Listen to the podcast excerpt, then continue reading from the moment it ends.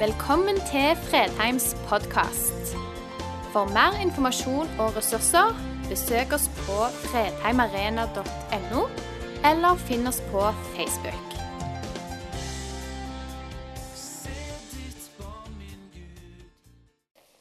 Eh, Det handler om eh, relasjoner eh, i denne serien. Og det som er overskriften i dag, det er eh, det nye budet. Vi får opp et par tekster, nemlig hva det nye budet er, og hvem som sa det. Et nytt bud gir jeg dere. Dere skal elske hverandre som jeg har elsket dere. Dere skal, ved dette skal alle forstå at dere er mine disipler, at dere har kjærlighet til hverandre. Også den teksten som eh, står i 1. Johannes brev. Likevel er det et nytt bud jeg skriver om, et bud som er sant i ham og i dere, for mørket viker og det sanne lys skinner allerede. Den som sier han er i lyset, men hater sin bror, er ennå i mørket. Den som elsker sin bror,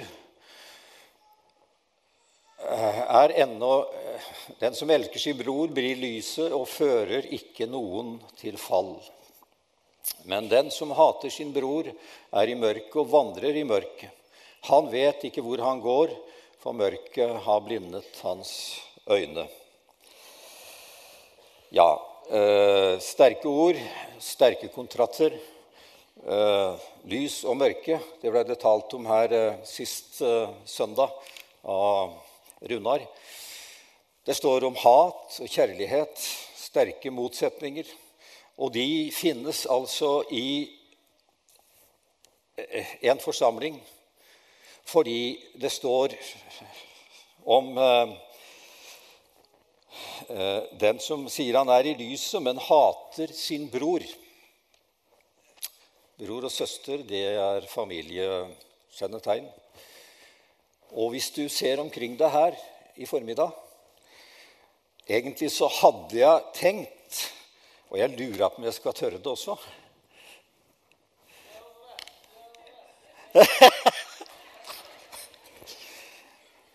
Reis deg opp. Reis deg opp. Snu, dere skal snu dere til sida, ikke til den sida ektefellen din er, men til den andre eller bak deg. Og så skal du si, alt etter hvem som står der, Gud velsigne deg, bror. Og Gud velsigne deg, søster.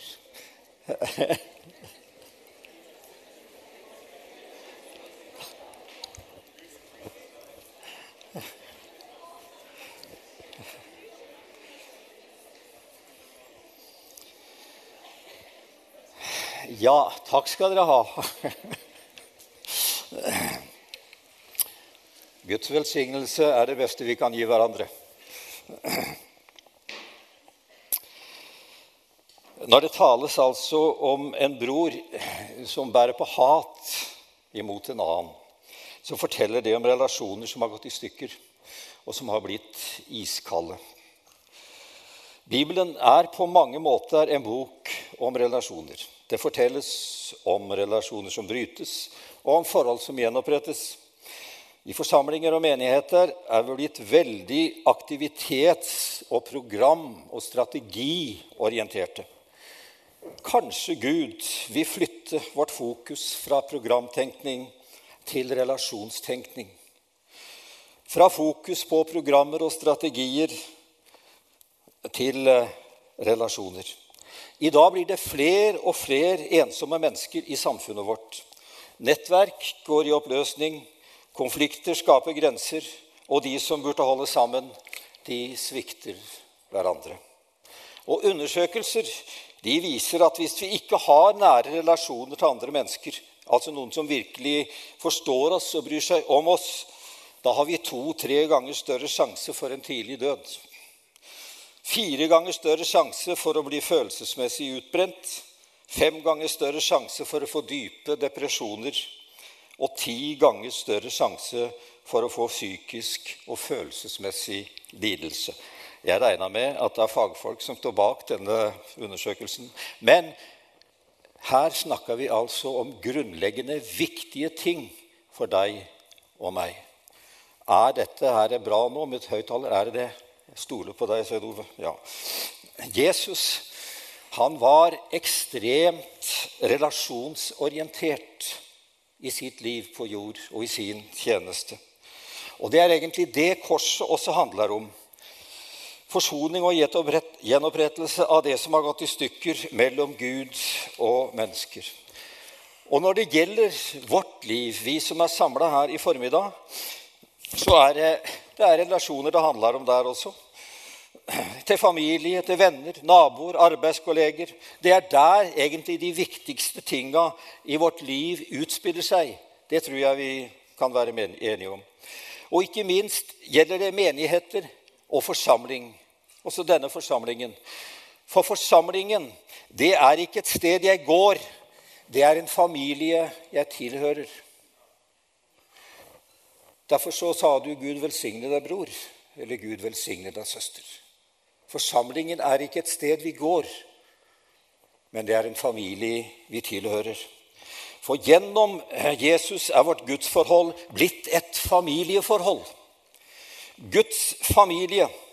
Og i en tid der den fysiske familien oppløses mer og mer, der blir den åndelige familien viktigere og viktigere for oss. Det skal du merke deg. Du kan melde deg ut av en forening, men du kan ikke melde deg ut av en familie. Der er du født inn og enhver som har tatt imot Jesus og blitt født på ny, er altså et medlem, en bror eller søster i Kristus Jesus. Og Guds mening er at vi skal oppleve livet sammen. Menigheten er en måte å leve på. Det er ikke bare en rekke religiøse møter og sammenkomster. Det er en måte å leve på. Vi er forsamling eller menighet ikke bare når vi er sammen her, men også når vi er hjemme og i vår hverdagssammenheng.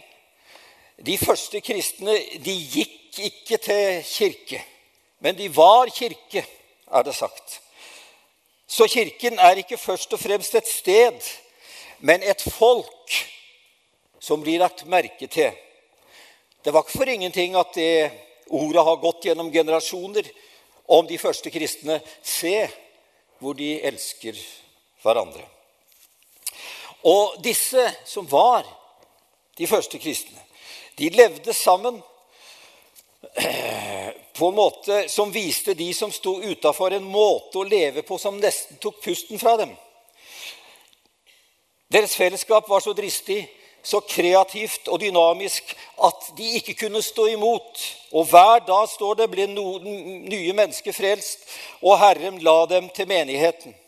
Mennesker ble helbredet og oppreist. De hadde overgitt seg helt i Guds hender, og eh, Jesus var herre i deres liv. Livet de levde sammen, var ladet av Den hellige ånd og kraft. Og vissheten om at den oppstandende Jesus var midt iblant dem. Han er her i formiddag òg. Han er her for deg. Og Jesu kjærlighet hadde ved Den hellige ånd tatt skikkelse i dem på en slik måte at de gjorde Jesus synlig. De gjorde Jesus synlig. De lo og gråt, de ba og sang og tjente sammen i et ekte kristent fellesskap. De tok av seg maskene og delte sitt liv med hverandre. Og sosiale og økonomiske skillelinjer de, grad, de forsvant gradvis. Kulturforskjeller, raseskiller, stadig mindre, fikk stadig mindre betydning.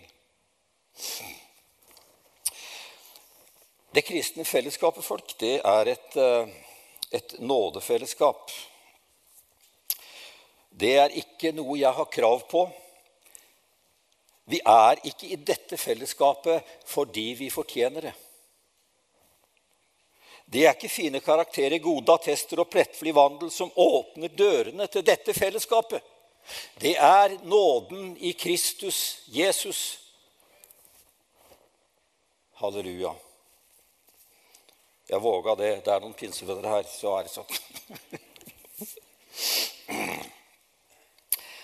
Vi lever i en sekularisert kultur som legger vekt på jeg og de egne behovene. Opplevelser står i sentrum. Hva kan Gud gjøre for meg? Og da vil jeg spørre er det plass for mennesker her som vi kanskje synes er like lite elskverdige? For det må ikke bli sånn at det er fint å være med i fellesskapet så lenge alt går godt. Men når noe blir vanskelig og tungt, så prøver vi å skjule det for hverandre. Og så prøver å spille vellykket. Og går ikke det, så trekker vi oss tilbake. Gud, fri oss folk fra å bli en forsamling av vellykka fasadepussere, der mennesker som sliter og mislykkes, opplever at det ikke er plass for dem. Det må ikke skje i Guds familie på Fredheim. Det må være åpent også for dem som det har gått i stykker for. Også for dem som står på bar bakke. Også for dem som ikke kan presentere noe av prestasjoner eller innsatser. Du er velkommen her, for det er nåden som gjelder i dette fellesskap. Et fellesskap der jeg opplever tryggheten så stor at jeg kan fortelle sannheten om problemene i ekteskapet. Om trøbbel med barna om fristelser, fall og nederlag, og om ensomhet på jobb og i fritid. Og vite at de ikke vil fordømme meg, men be sammen med meg.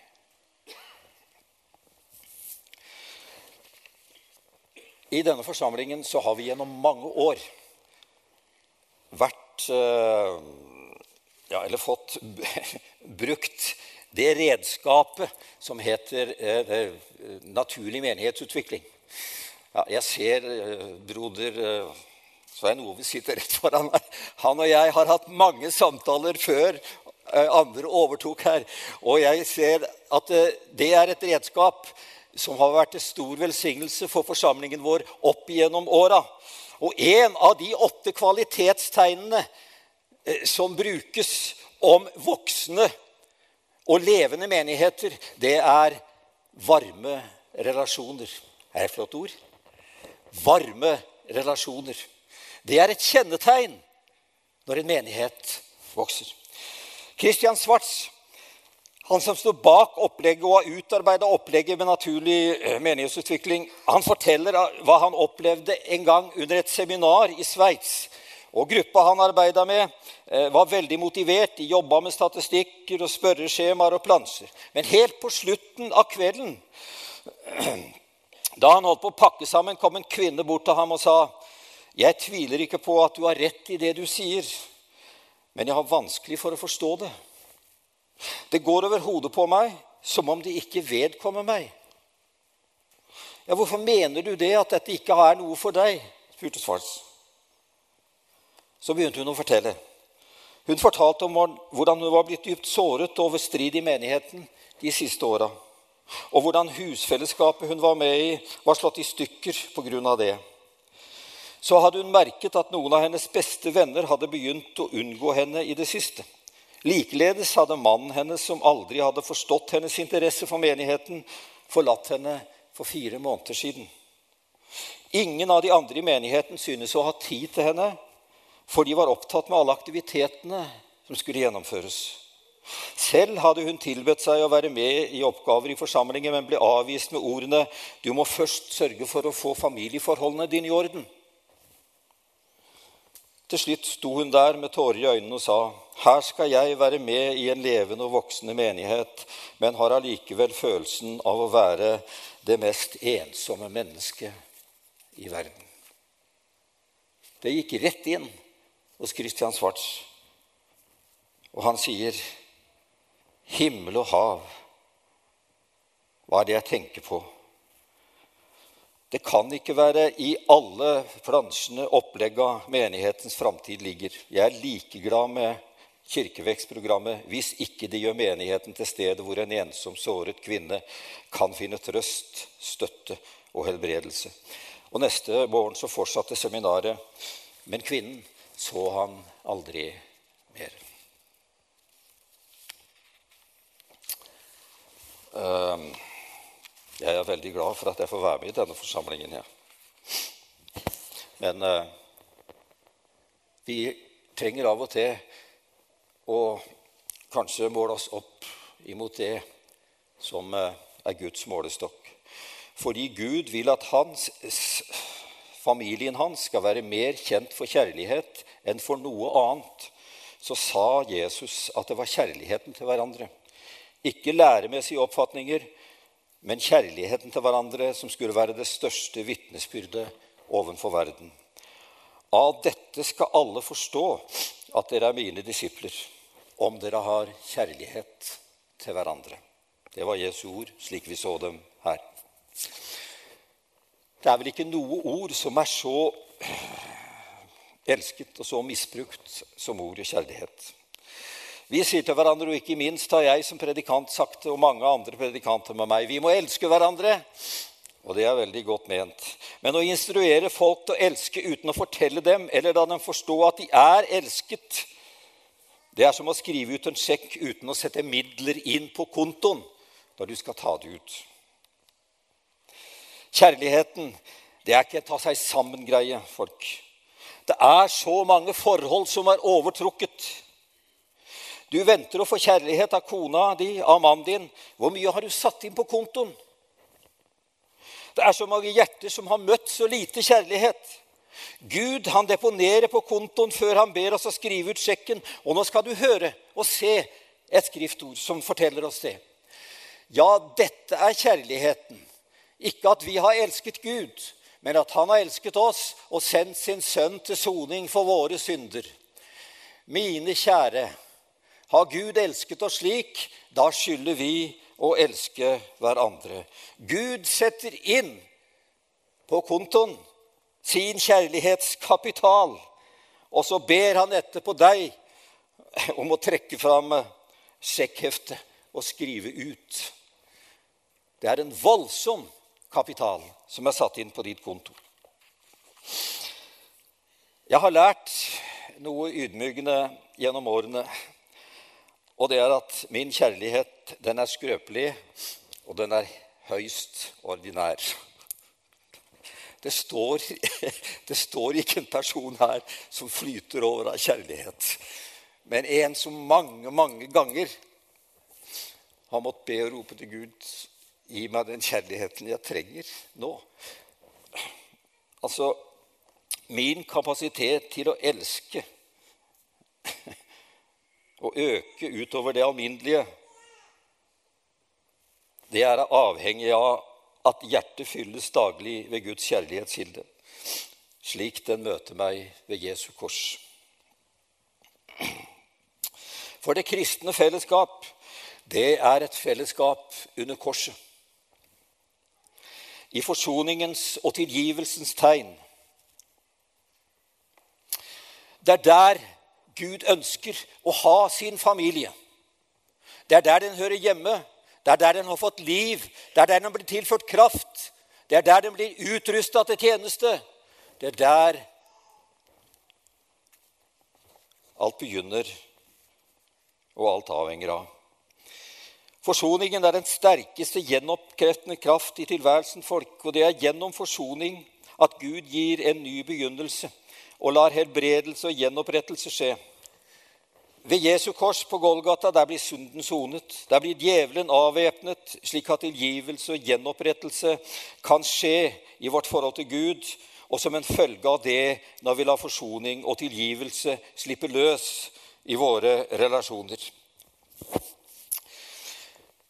Jesus eh, talte i bergprekenen om en situasjon eh, der eh, som blir beskrevet på denne måten. Om du bærer fram offergaven din til alteret, og der kommer til å tenke på at din bror har noe imot deg, så la gaven ligge foran alteret og gå først og bli forlikt med din bror. Så kan du komme og bære frem offergaven din for alteret. Om du skulle ha i tanke å gi en stor gave til Fredheim, så Gud velsigne deg, gjør det. Gjør det for all del. Men her sier altså Jesus at hvis du har noe imot din bror, eller han har noe imot deg, så gjør opp det først. Gjør opp det først. For du kan ikke kjøpe deg ut av ødelagte relasjoner eller av bitterhet og uforsonlighet imot andre mennesker. Det må bekjennes. Og den veien, den går om Jesu kors. Skynd deg å komme over eds med motparten din mens du er sammen med ham på veien.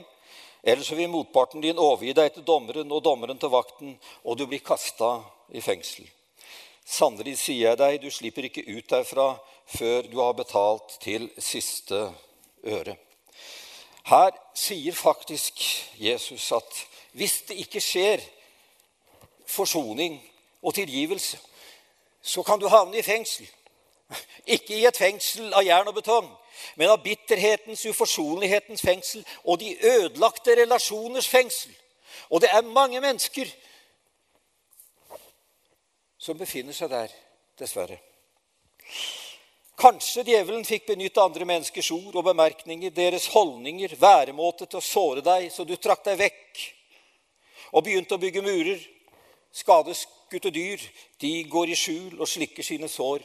Og sårene har blitt infisert kanskje med bitterhet, som er urealisert hem. Jeg skal fortelle deg én ting. Vi ber om åndelig kraft. Vi ber om en utgytelse av Den hellige ånd. Vi ber om Guds nærhet i denne forsamlingen. Og jeg tror han hører våre bønner.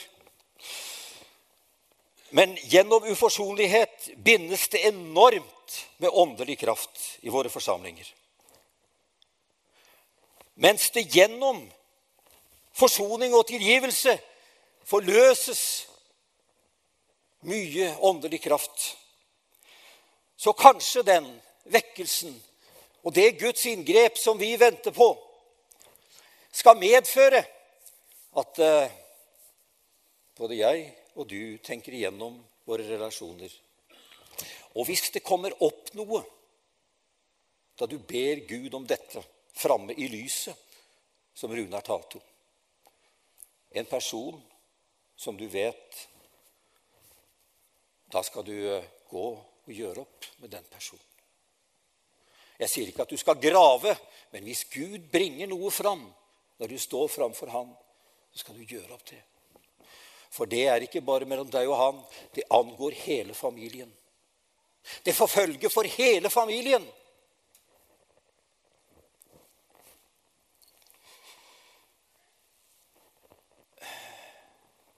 Og Kjære venner, hvor skal vi gjøre av denne forurensa søpla som gift, for forgifter livet vårt, og kanskje også for en stor del forsamlingene våre? Er et sted vi kan bli kvitt den? Da vil jeg nå, i den siste delen her, ta deg med til Golgata. På det midterste korset, der henger Jesus, forsoneren han som kjøpte oss fri med sitt blod. Men i Johannes 9, 25 så står det at ved Jesu kors sto hans mor, morens søster Maria, som var gift med Klopas, og Maria Magdalena. Og da Jesus så sin mor, og ved siden av henne den disippel han elsket, sa han til sin mor, Kvinne, se der er din sønn. Deretter sa han til disippelen, Der er din mor. Her ser vi altså mennesker med helt forskjellige liv og historie som møtes under korset. Maria Jesu mor, som var den utvalgte til å føde Guds sønn, helgenen framfor alle helgener, hun var der. På den andre siden sto Maria Magdalena, hun som hadde vært prostituert, og som Jesus hadde drevet syv onde ånder ut av. Hun var der. Ser du det enorme spennet mellom helgenen og dem som alt gikk i stykker for? Og midt iblant dem så sto Klopas hustru, kona til Klopas. Vi vet ikke så mye om henne. Kanskje en anonymt hverdagsmenneske på det jevne som hadde valgt å følge Jesus. Her møtes altså mennesker under forsoningens kors, og her i sin dype, bunnløse lidelse, under vekten av verdens synd, så er Jesus opptatt med relasjonene mellom disse menneskene. Hvordan de skal ha det sammen og bry seg om hverandre og ha omsorg for hverandre. Det er nesten helt ufattelig å tenke på at Jesus brydde seg nettopp om det. Han ga Maria til Johannes. Ta deg av henne. Ha omsorg for henne. Nå får dere et nytt forhold, Johannes, du og Maria. Nå kommer dere inn i en ny relasjon til hverandre. Den som knyttes nettopp under korset.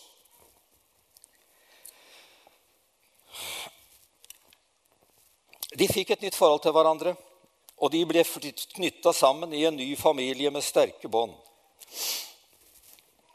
Og nå, nå, Dere som har vært her noen år, dere vet at, det, at, jeg har nok vært inne på disse tankene her noen ganger, men det er litt viktig for meg. Og så skal jeg ta fram en ting til.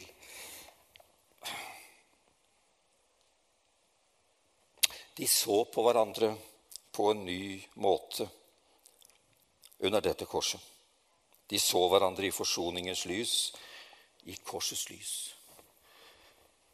Disse brillene gjør at jeg kan se litt bedre enn jeg vanligvis kan når jeg tar i. Så blir alt sånn tåkete og svimmel. Men jeg ønsker å ha noen andre briller. De er visstnok de, de er usynlige, men jeg ønsker at de skal være i bruk i mitt liv. Og vet du hva det er? Det er Golgata-brillene. Det er Golgata-brillene.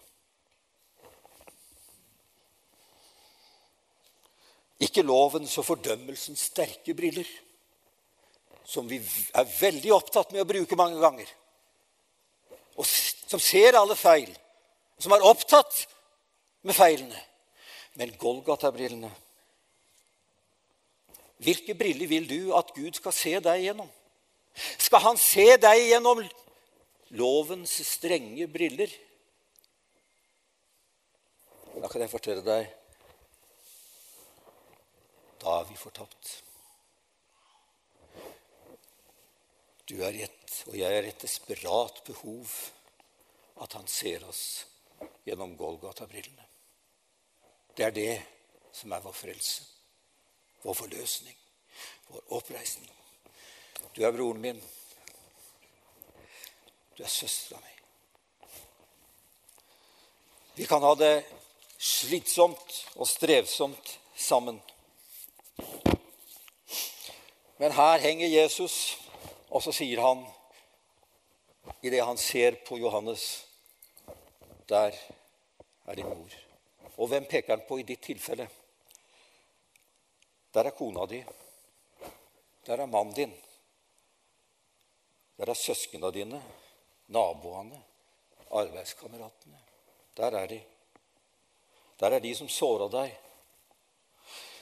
Der er de du ikke klarer å forholde deg til, den du føler bitterhet imot. Jesus elsker dem også. Han er død for dem også.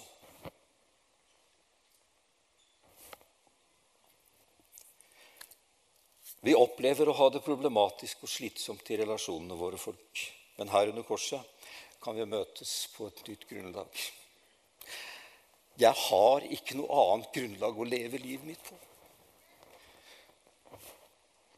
Og jeg er glad for at jeg ikke skal presentere noe regnskap for Gud en gang over hva jeg eventuelt kan ha gjort eller ikke gjort. Min redning ligger i Jesu forsoning, død og oppstandelse. Jeg vil stå under Jesu kors i lyset Avslørt med alt jeg er, for han kjenner deg mye bedre enn du kjenner deg sjøl. Han vet mye bedre om alt om deg enn det du gjør. Men han elsker deg. Han elsker deg til døden og til oppstandelsen. Og til et nytt håp i Guds himmel.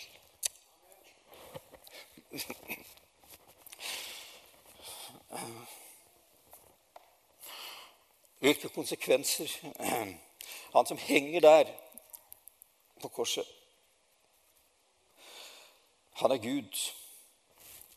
Og, hør nå det er ingen annen Gud som har sår.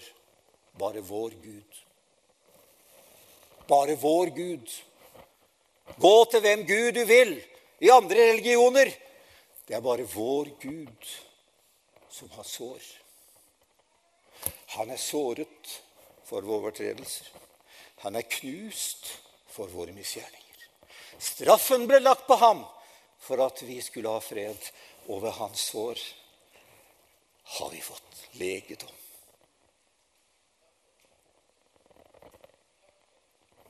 Ja, takk og lov. Takk og lov.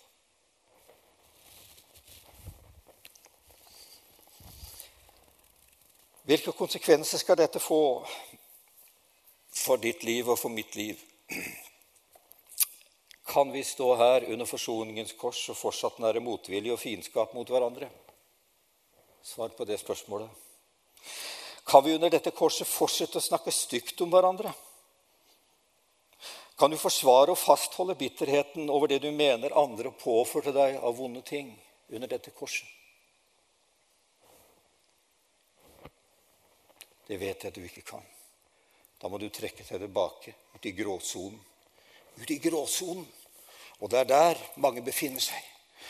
I formiddag blir du utfordret til å gå inn i lyset fra Jesu kors og oppleve forsoningens kraft til et nytt liv. Si det som det er for Herren. Her er jeg, Gud. Om alt har gått i stykker,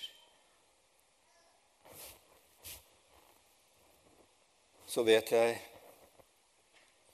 du tar imot meg og gir meg en ny begynnelse. I morgen er det mandag. Da trenger jeg korsets nåde og kraft i mitt liv. Nå er jeg bare hjemme med kona, altså, så det går tålelig bra. Men uh... Ja, vi har, ja, vi har våre runder. Det kan jeg godt fortelle dere. Det har de fleste her. Og jeg har hatt behov for å be om tilgivelse. Og jeg har gitt deg noen klemmer en gang iblant, men det er ikke ofte nok. Men altså i morgen er det mandag, og du skal møte mennesker, og du skal på jobben. Be om å leve i korsets kraft ved Den hellige ånd. Da skal mennesker begynne å spørre deg hva er hemmeligheten i ditt liv, da? Hvilken kraft er det, drivkraft er det i ditt liv?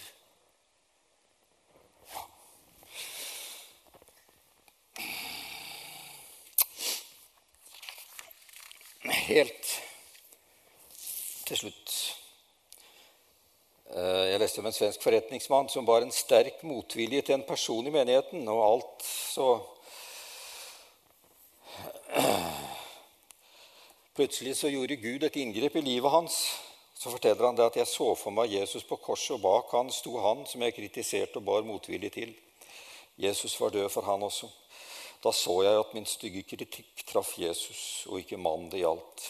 Jeg sank ned ved korset og gråt som et barn over min synd, som han tok på seg. Da forsvant kritikken, og det var Guds løsning på problemet. Det er Guds løsning her i kveld Nei, unnskyld, i dag. Enda så lever jeg altså som en gammel emissær som har kveldsmøter, men det er her i formiddag. Ja.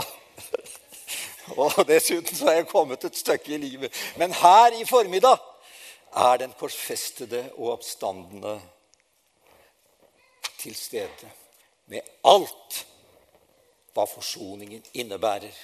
Tilgivelse, gjenoppreisning, helbredelse nåde for deg.